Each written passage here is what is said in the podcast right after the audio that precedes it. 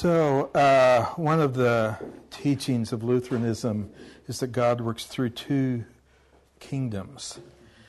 There's the spiritual or eternal kingdom by which He saves us for everlasting life in, in, in, in heaven.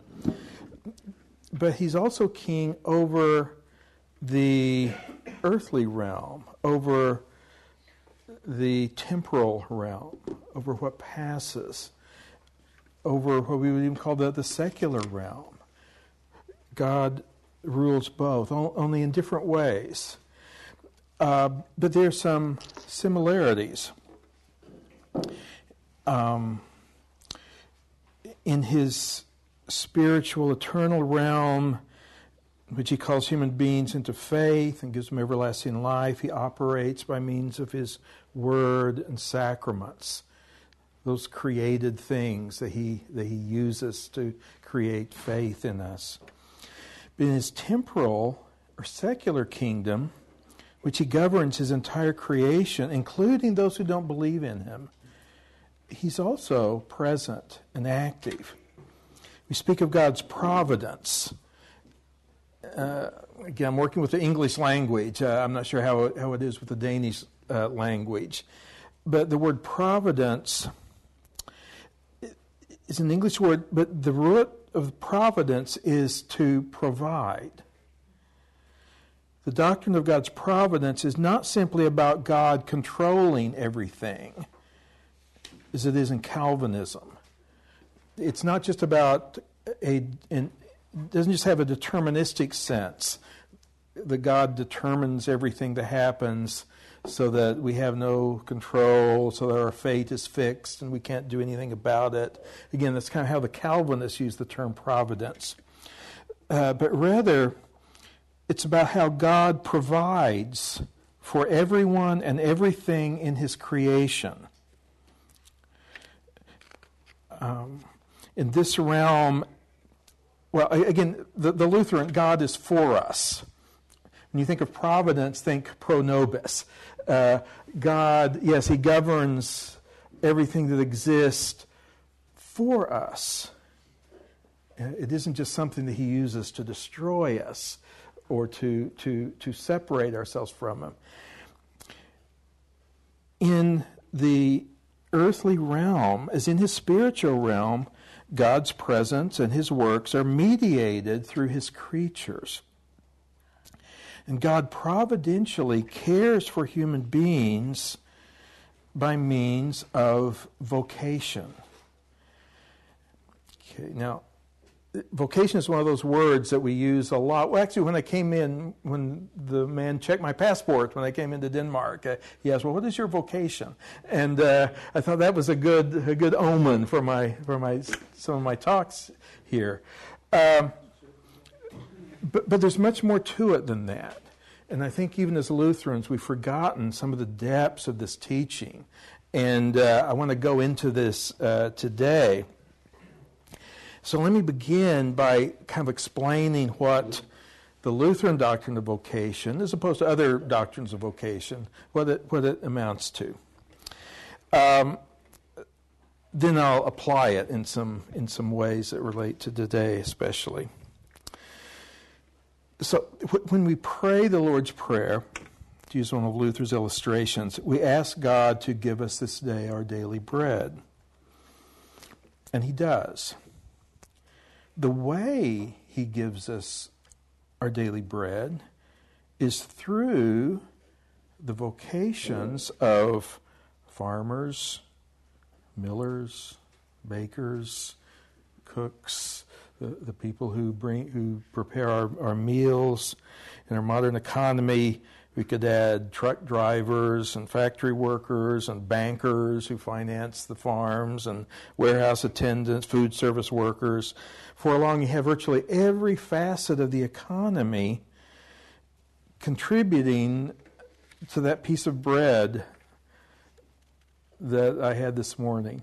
God especially blesses Denmark. The Denmark bread is so much better than the bread that God gives us in uh, the United States. so every time you add that, that good, rich bread, when we say prayer, we, we thank God for our meal. acknowledging that it's God that gives us this bread. And, and He does, it's His gift. But the point is, He works through human beings to give His gifts. And that's part of how He provides for our, our daily lives. Uh, ordinary people just doing their jobs, but somehow God is in that. And God is providing for us.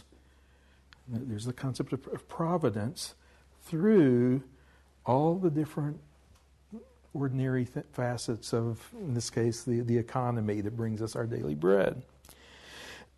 To use another example from Luther, uh, God could have chosen to create new human beings to populate the earth out of dust, as he did with the first man. There's plenty of dust in the world. He could make however many people he wants. But instead, he chose to create new life by means of mothers and fathers, husbands and wives, the vocations of the family again, the creation of new life, those of you who have children, you know how mind blowing that is. It's so commonplace, we forget the miraculous nature of it. This is something miraculous. What's, what's a greater miracle in creating uh, uh, a, a, a new life, a new immortal soul? But he does that through human beings in their vocations, the vocations of the family. Uh, to continue the point, God protects us through the vocations of earthly government, as detailed in Romans 13. He proclaims His word and gives us the sacraments through the vocation of human pastors.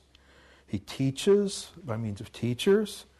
He could have made us all smart and already knowing everything we need to know, but instead, He wants to bring that out through the relationship of a, of a teacher and, and students.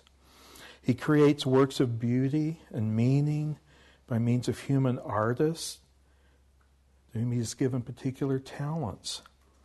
When someone we care about is sick, we pray for healing. God uses vocation, doctors, nurses, anesthesiologists, and other healthcare workers to deliver that healing. God's normal way of working in the world is through means. God doesn't have to use means. He is capable of working immediately. He can heal with a miracle. Just as he once provided the children of Israel their daily bread, the manna of the wilderness, without farmers or bakers. But God's normal way of operating is through human beings. This is because he desires us to serve one another. According to Luther, vocation is a mask of God. A mask of God. God milks the cows through the vocation of the milkmaid, Luther said. God is hidden in vocation we see the milkmaid, or the farmer, or the doctor, or pastor, or artist, but looming behind this human mask, God is genuinely present and active in what they do for us. And similarly, as we carry out our various vocations, we too are masks of God. Evangelicals often talk about what God is doing in their lives. Vocation encourages also reflection on what God is doing through our lives. Just as God is working through the vocation of others to bless us, He is working through us, through you, to bless others. In our vocations, we work side by side with the providential God as it were, taking part in his ceaseless creative activity and laboring with him as he providentially cares for his creation. Now, the hiddenness of God and the, the metaphor, the mask of God, that he hides behind is an important motif in Luther's theology and in later Lutheran theologians. To say that God is hidden is to speak of his presence. The child hiding in the room is present, we just can't see him.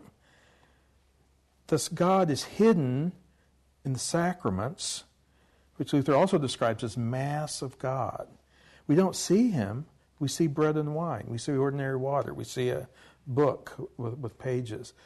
But he's there, he's hidden behind these Masks. Uh, contemporary Lutheran theologian Anthony Steinbronn sees this concept of the Masks of God as foundational to all of Lutheran theology. Because of our sinful condition and the nature of God's grace, He comes to us through means. Now, here's what Steinbronn says. As a result of humankind's sinful nature, human beings cannot see God in His naked transcendence and survive Therefore, since the fall of humankind into sin, through the rebellion of Adam and Eve against God's will, there can be no unmediated relationship between God and humankind. God must wear a mask in all of his dealings with human beings. To save us from our sin, God became incarnate in Jesus Christ, who has become our mediator and he reveals himself supremely in his cross, where his glory was hidden in his suffering. Says Steinbronn, a true and proper knowledge of God is derived solely in a theology of the cross. In his Son alone, who reveals the Father's heart and will, do we see and know God correctly. Thus, this knowledge of God is revealed to us through those masks ordained of God. Number one, the Word of God. Number two, his incarnation. Number three, baptism. Four, the Lord's Supper. But just as God works through Masks in his spiritual kingdom, says Steinbronn, he works through Masks in his physical kingdom. This is Steinbronn again. Luther, in his explanation as to why God limits himself through external means, speaks of his ordered power. God could save and work without externals and order, but it is his will to limit his power as he works among us. He does this so that as he works through his created orders of church, home, and government, his creatures have opportunity to share in his work. In this, these three orders, God seeks to govern his word, his world for humankind's good, and to reveal in a daily fashion his care towards all of humankind. For Lutherans, Christ is really present in the Lord's Supper. Similarly, God is really present in vocation.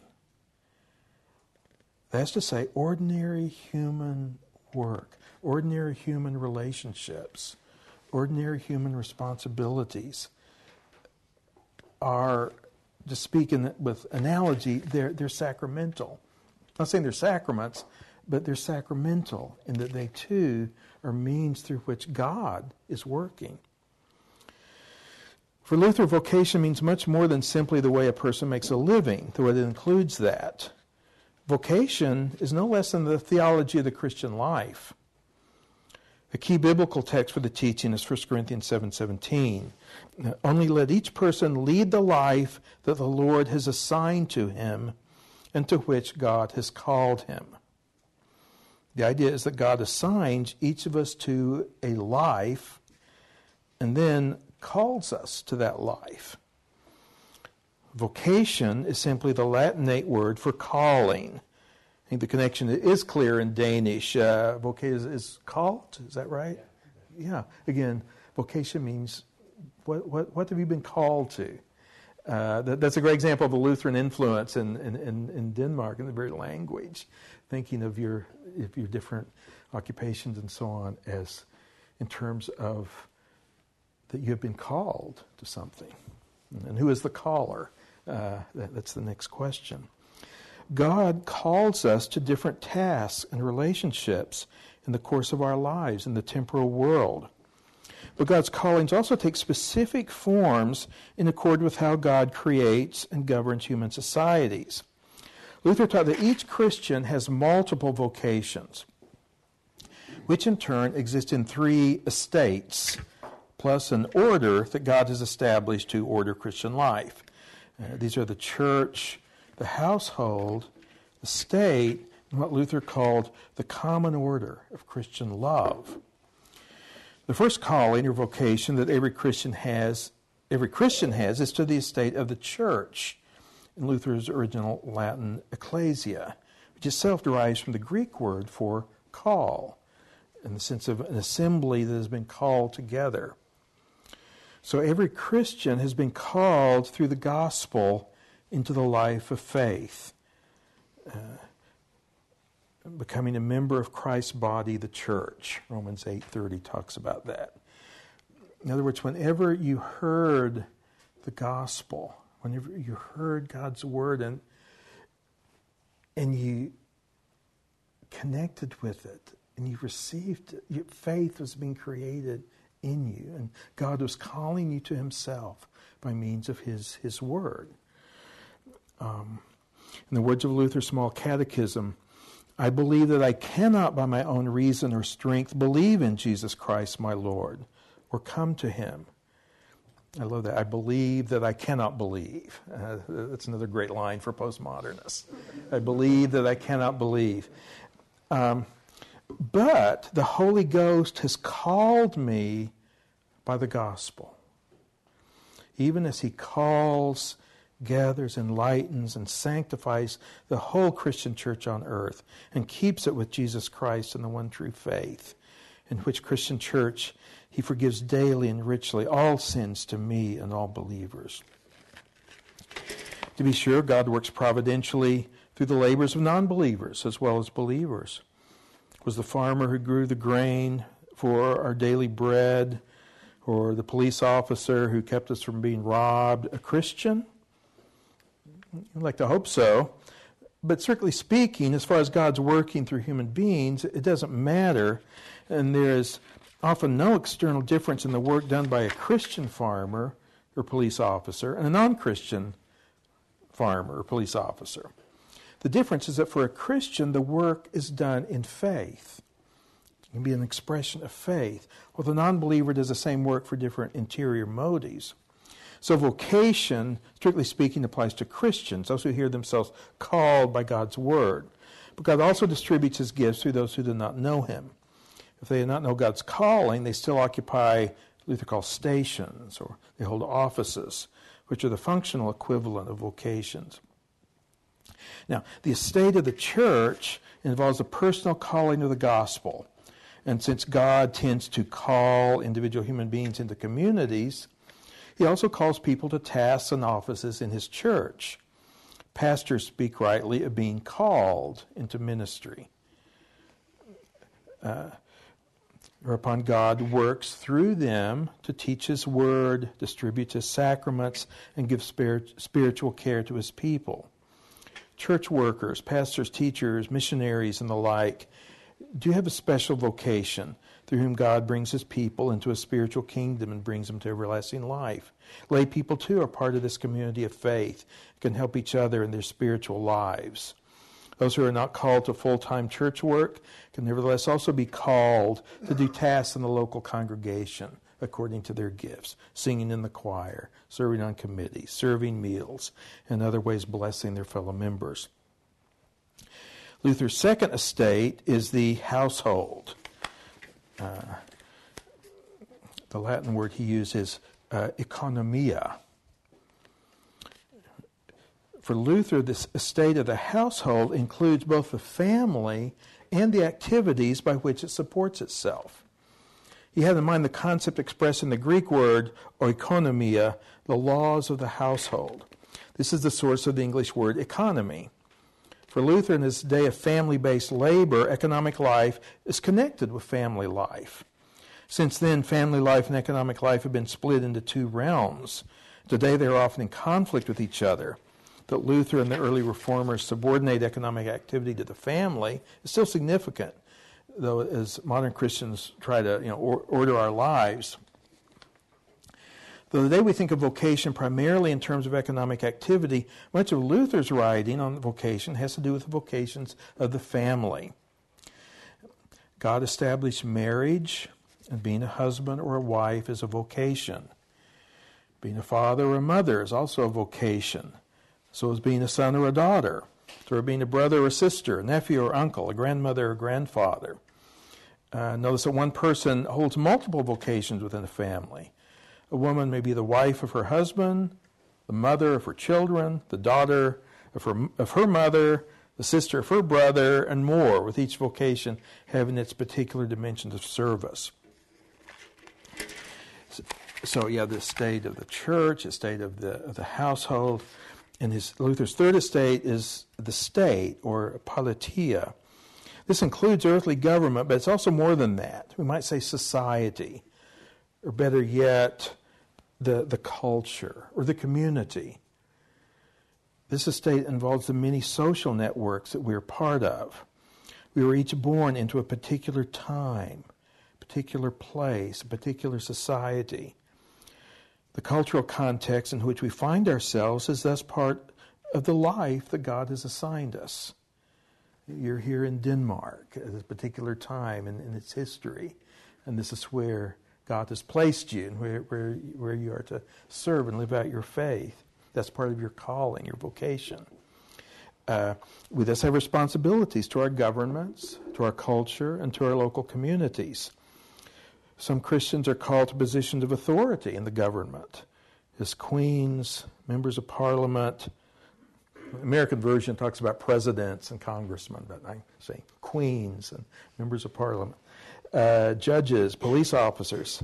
Citizens of democracies have the unusual calling of being both subjects and rulers at the same time, since they elect their political leaders.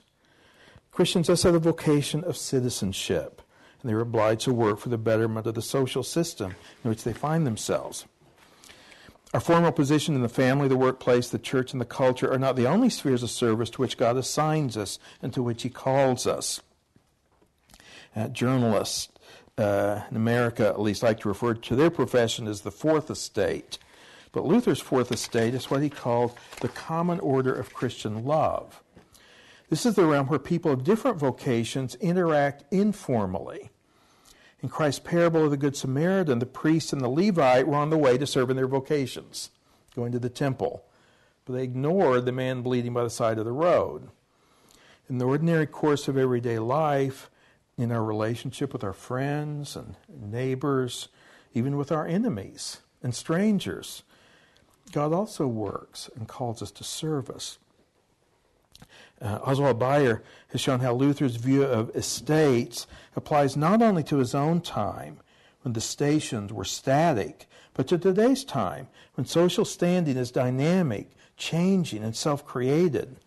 Bayer says that the estates, the ecclesia, the economia, and the politia, are the three fundamental forms of life in which God's promise organizes human existence and organizes it still.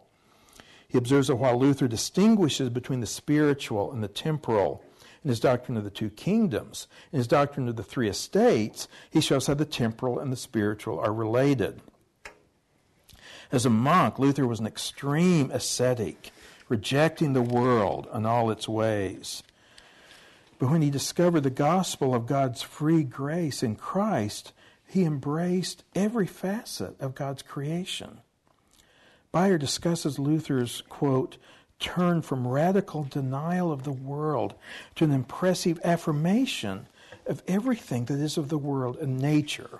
Uh, writes, after Luther was thoroughly convinced, because of his new understanding of word and sacrament, that the spiritual is constituted in the form of what was earthly, not only negatively, but also positively. The spiritual importance of all things earthly was open to him in a positive sense as well. The spiritual is constituted in the form of what was earthly. That is a succinct statement of Lutheran teaching on Christ, the sacraments, and the Christian life, and specifically vocation. Thus, according to the sacramental understanding of vocation, God Himself is active and actually present in the church, in the family, in the workplace, and in human society. By means of ordinary people carrying on their work in these institutions, God ceaselessly provides everything that we need for both our physical and spiritual lives. He does so through other people, through the communities and relationships into which He places us. In turn, He uses each of us individually through the talents and opportunities that He has given us to bless others. So, for Luther, vocation is nothing less than the, the locus, the place where the Christian life is carried out. God works in and through vocation. He does so by calling human beings to work in their vocations. In his incarnation, Jesus Christ, who bore our sins and gives us new life in his resurrection. God saves us for eternal life. But in the meantime, he places us in our temporal life, where we grow in faith and holiness in our various callings as parent, church member, citizen, worker. That's where we are to live out our faith. So, what does it mean to live out our faith in our callings? The Bible is clear. Galatians 5 6, 1 Timothy 1 5. Faith bears fruit in love. Here we come to the relationship between justification by faith that we talked about a while ago and good works, and to the ethical implications of vocation. According to Luther's doctrine of vocation, the purpose of every vocation, whether it's in the family, the workplace, in the church, as pastors, in our citizenship, the purpose of every vocation is to love and serve our neighbors. God does not need our good works, Luther said, but our neighbor does. God doesn't need anything. You know, what are we going to do for God? But our neighbor has lots of needs.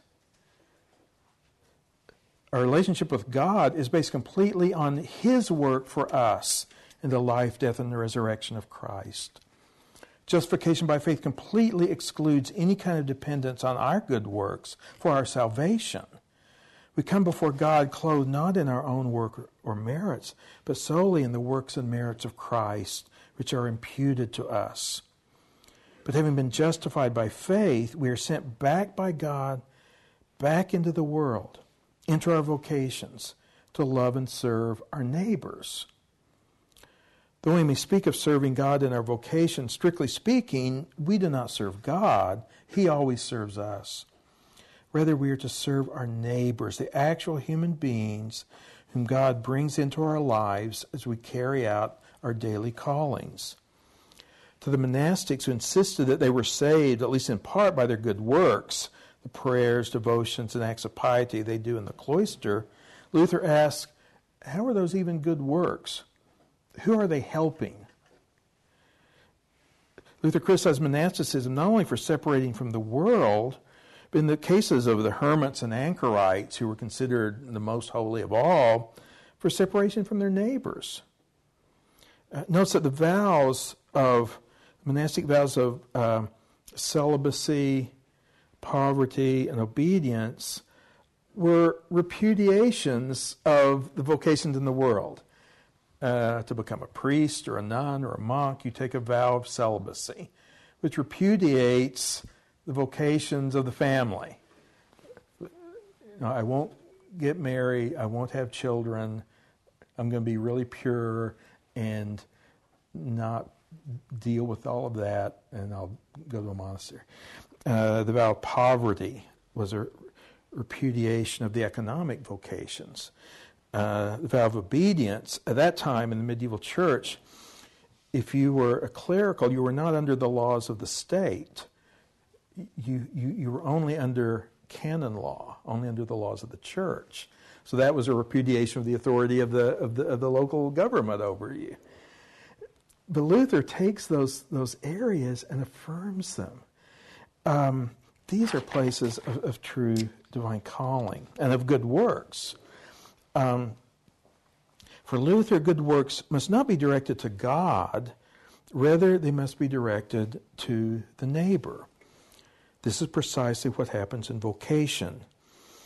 the scripture is fulfilled. You shall love the Lord your God with all your heart, and with all your soul, and with all your mind. This is the first and great commandment. And the second is like it. You shall love your neighbor. You shall love your neighbor as yourself. On these two commandments depend all the laws and the, pro- the law and the prophets. Matthew 22. We love God by faith. It's His initiatives. And this is love, not that we have loved God, but that He loved us and sent His Son to be the propitiation for our sins. 1 John 4.10. And we love our neighbors as ourselves in our vocations. We love them not just by internal feelings or by isolated acts of virtue, but in the entire course of ordinary life, which becomes the realm of faith working through love. Thus, every vocation has its particular neighbors. Considering vocation, it helps to consider the question that the lawyer asked Jesus Who is my neighbor? Jesus answered him with the parable of the Good Samaritan. In what Luther termed the common order of Christian love, we have informal and sometimes temporary relationships that God calls us to. Our friends, our enemies, people next door, someone bleeding by the side of the road in order to render them love and service. In the church, pastors are to love and serve the members of their congregation. The laity are to love and serve their pastor, love and serve each other.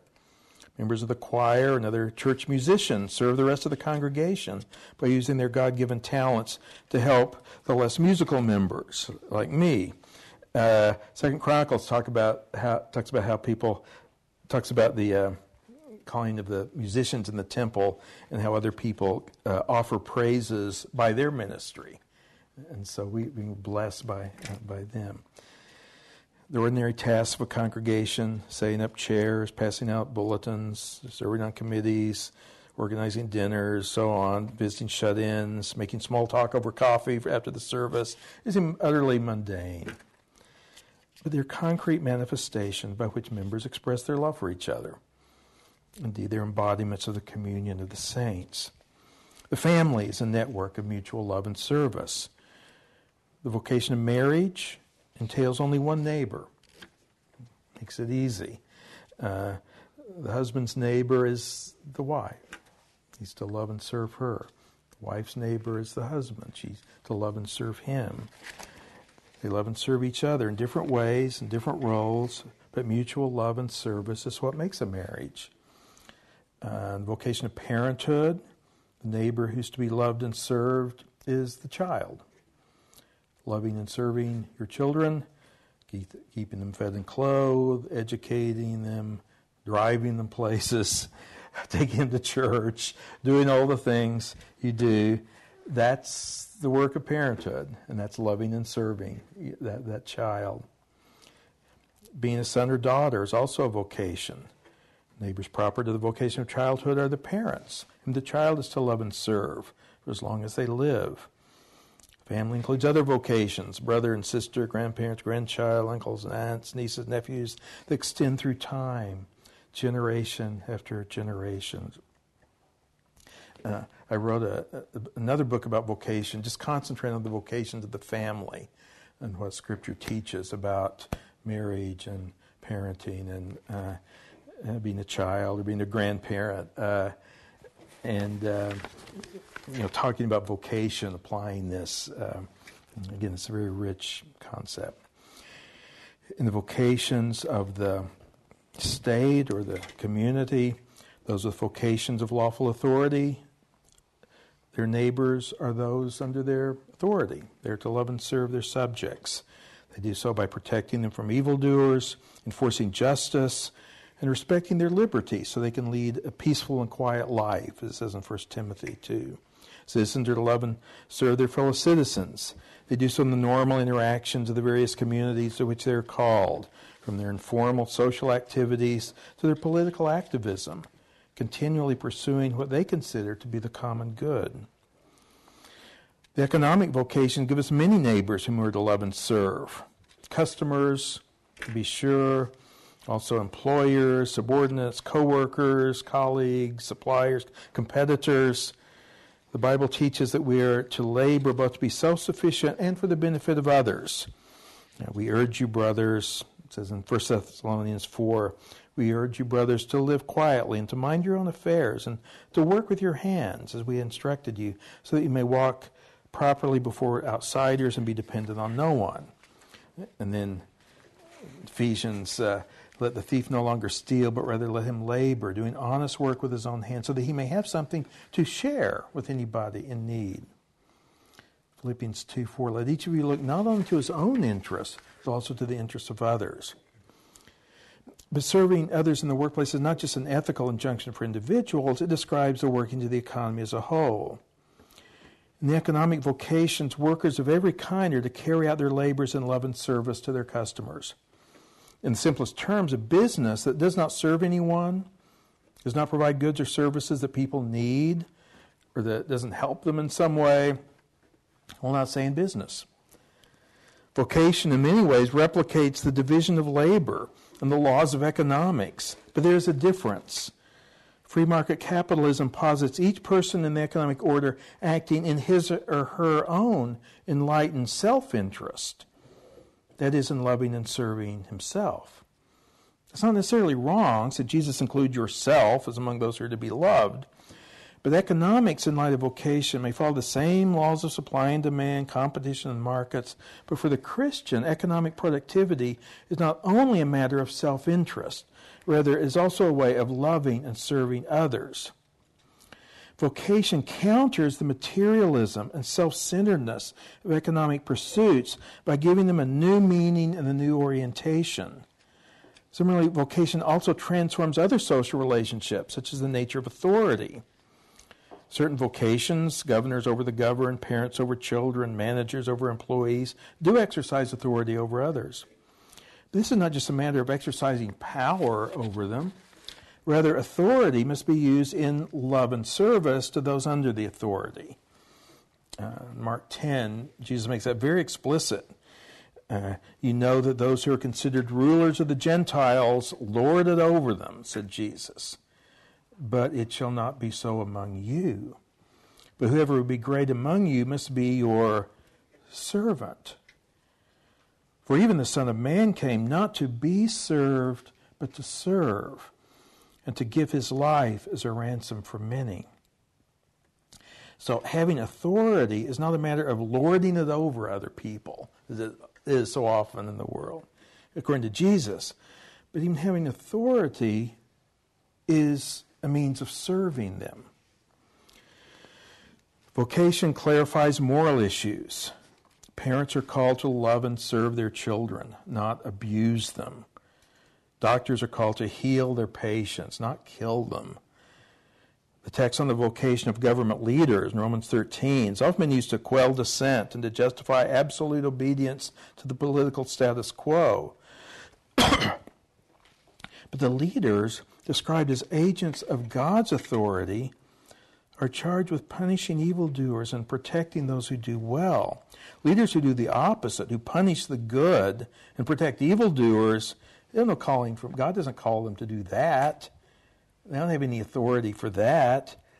Leaders are called to love and serve those under their authority and have no warrant from God to exploit or tyrannize them. Uh, vocations have their authorities and they also have their authorizations to the point that some actions are sinful when done outside of vocation, but they're good works when done within vocation. Luther gives example the soldier's authorization under Romans 13 chain of lawful command to bear the sword, and the judge's authorization to punish criminals while the Christian without these callings must forgive his enemies and wrongdoers. The principle also explains why sex outside of marriage is immoral, but sex within marriage is a good work. The difference is not a piece of paper, it is vocation. We have no calling from God that would authorize having sex with someone to whom we're not married. Within the vocation of marriage, sex is not only authorized, it becomes the means by which God creates a one flesh union, engenders new life, and builds a family. We conclude, therefore, says Luther, that a Christian lives not in himself, but in Christ and the neighbor. He lives in Christ through faith and in his neighbor through love. Luther rules out salvation by works, even as he puts a premium on works of love. This is Luther from uh, The Freedom of a Christian, probably Luther's greatest work. Luther writes If you find yourself in a work by which you accomplish something good for God or the holy or yourself, but not for your neighbor alone, and you should know that that work is not a good work. Oh, I'm sorry, this is from the Advent's Postil, not uh, Freedom of the Christian. He says, For each one ought to live, speak, act, hear, suffer, and die in love and service for another, even for one's enemies. A husband for his wife and children, a wife for her husband, children for their parents, servants for their masters, masters for their servants, rulers for their subjects, and subjects for their rulers, so that one's hand, mouth, a high foot, heart, and desire is for others. These are Christian works, good in nature. Luther's doctrine of vocation, with its radical neighbor centered ethic, dis- displace good works from the realm of the super of the spiritual into the realm of the material, the social, and the ordinary. We sometimes talk about serving God in our vocation. Luther might take issue with this formulation if by we imagine that we're performing great deeds to impress the Lord, and especially when we mistreat others, and when we think we're serving God uh, and, and mistreating others. There is, however, a sense in which we do serve God in our vocations. Jesus himself tells us what to do or not do for a neighbor in need. Um, he says that what we do or do not do for our neighbor in need, we do or do not do to him. In the account of the sheeps and the goats, uh, Jesus says, Inasmuch as you've done it to the least of these, my brethren, fed the hungry, clothed the naked, visited the prisoner, you did it to me. Or, if you didn't do it, you didn't do it to me. So, when we serve our neighbors, we do serve God, though neither the sheep nor the goats realized at the time whom they were really dealing with. God is hidden in vocation, and Christ is hidden in our neighbors. So, what we do for our neighbor, we do for Christ. God Himself acts through human vocations. He does so by employing sinners as instruments of his love. Here is the Swedish theologian Gustav Wingren, who's written most perceptively about vocation. If you want to really get into Luther's doctrine of vocation, read, uh, uh, read, read uh. He says, In his vocation, man does works which affect the well being of others, for so God has made all offices. Through this work in man's offices, God's creative gift goes forward, and that creative work is love a profusion of good gifts.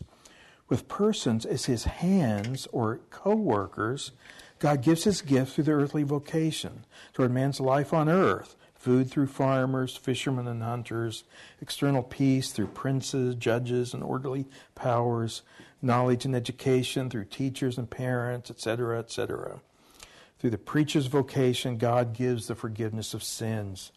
Thus, love comes from God, flowing down to human beings on earth through all vocations. To be sure, human beings often resist God's love and tend to be fixated on loving and serving themselves rather than their neighbors. Uh, we want to be served, but we don't want to serve. And yet, we cannot thwart God's working and his purposes. God drives good God drives men to good works and to faith, says Wingren, again summarizing Luther. The earthly life as such compels one to work for the good of one's neighbor. Wingren gives the example of a marriage in which the man and the woman of themselves are both self willed and interested mainly in their own agendas. And yet, in the ordinary course of marriage, the husband and the wife find themselves serving each other and loving each other. He says, in marriage as an institution, something compels the husband's selfish desires to yield, and likewise inhibits the egocentricity of the wife's heart. At work in marriage is a power which compels self giving to spouse and children. So it is the station itself which is the ethical agent, for it is God who is active through the law on earth. As applies to the economic vocations, a business owner might care nothing for his employees or his customers.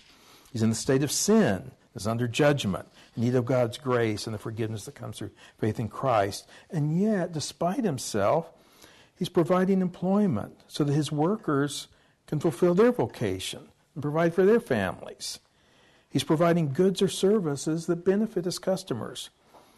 If he's not serving others, both his customers and his workers will desert him and his business will collapse. Even though the wicked business owner remains motivated solely by self interest, he is nevertheless, by virtue of his vocation, a channel for God's love. To be sure, we sin in and against our vocations. The fallen world is rife with injustice, exploitation, and fraud. Luther is outspoken in denouncing sin in the workplace and in the economic order. But despite the distortions of sin, God, in His providence, it is in the way that He provides for His creation, is present and active in vocation, and thus in the whole uh, economic and social orders. And the sign of His presence is love. Since life, and specifically the Christian life, is to be lived in vocation, our various callings in the family, the society, the church, and the workplace become the battlegrounds for conflicts between sin and grace, the fallen flesh and the indwelling Holy Spirit, the sinful will and the will of God. Temptations will attack us precisely in our vocations. Our vocations are the arena of our sins, just as they are the arena of our good works. In Luther's Small Catechism, there's a section on confession and absolution. Um, the Catechism takes up the question what sin should I confess? Notice that the answer is vocational. Catechism says, Consider your place in life according to your Ten Commandments, to the Ten Commandments. Are you a father, mother, son, daughter, husband, wife, or worker? Have you been disobedient, unfaithful, or lazy? Have you been hot tempered, rude, or quarrelsome? Have you hurt someone by your words or deeds? Have you stolen, been negligent, wasted anything, or done any harm? That's he's saying that we should specifically confess the sins of our vocations and it's underscored then in the in the sample vocation that are given first from a servant, or words an employee, then from a master, someone who has employees. He gives the example: I, a poor sinner, plead guilty before God of all sins. In particular, I confess before you that as a servant, maid, etc., I, sad to say, serve my master unfaithfully. Uh, I've made him angry and caused him to curse. Uh, I've been negligent and allowed damage to be done. I've also been offensive in words and deeds. I've quarreled with my peers.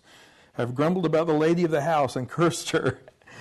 I'm sorry for all this, and I ask for grace. I want to do better. Particularly, I confess before you that I have not right faithfully guided my children, servants, and wife to the glory of God. I have cursed, and so on. Uh, and it's just such a homely uh, repentance. It, it, it's, it's repenting not the big evils of the day, but oh, I I made my boss mad, and I, I, I made him curse. But then after that, the, the sinner, and here's the gospel of Christ's forgiveness, is conveyed by the pastor, in whom, by virtue of his vocation, Christ acts.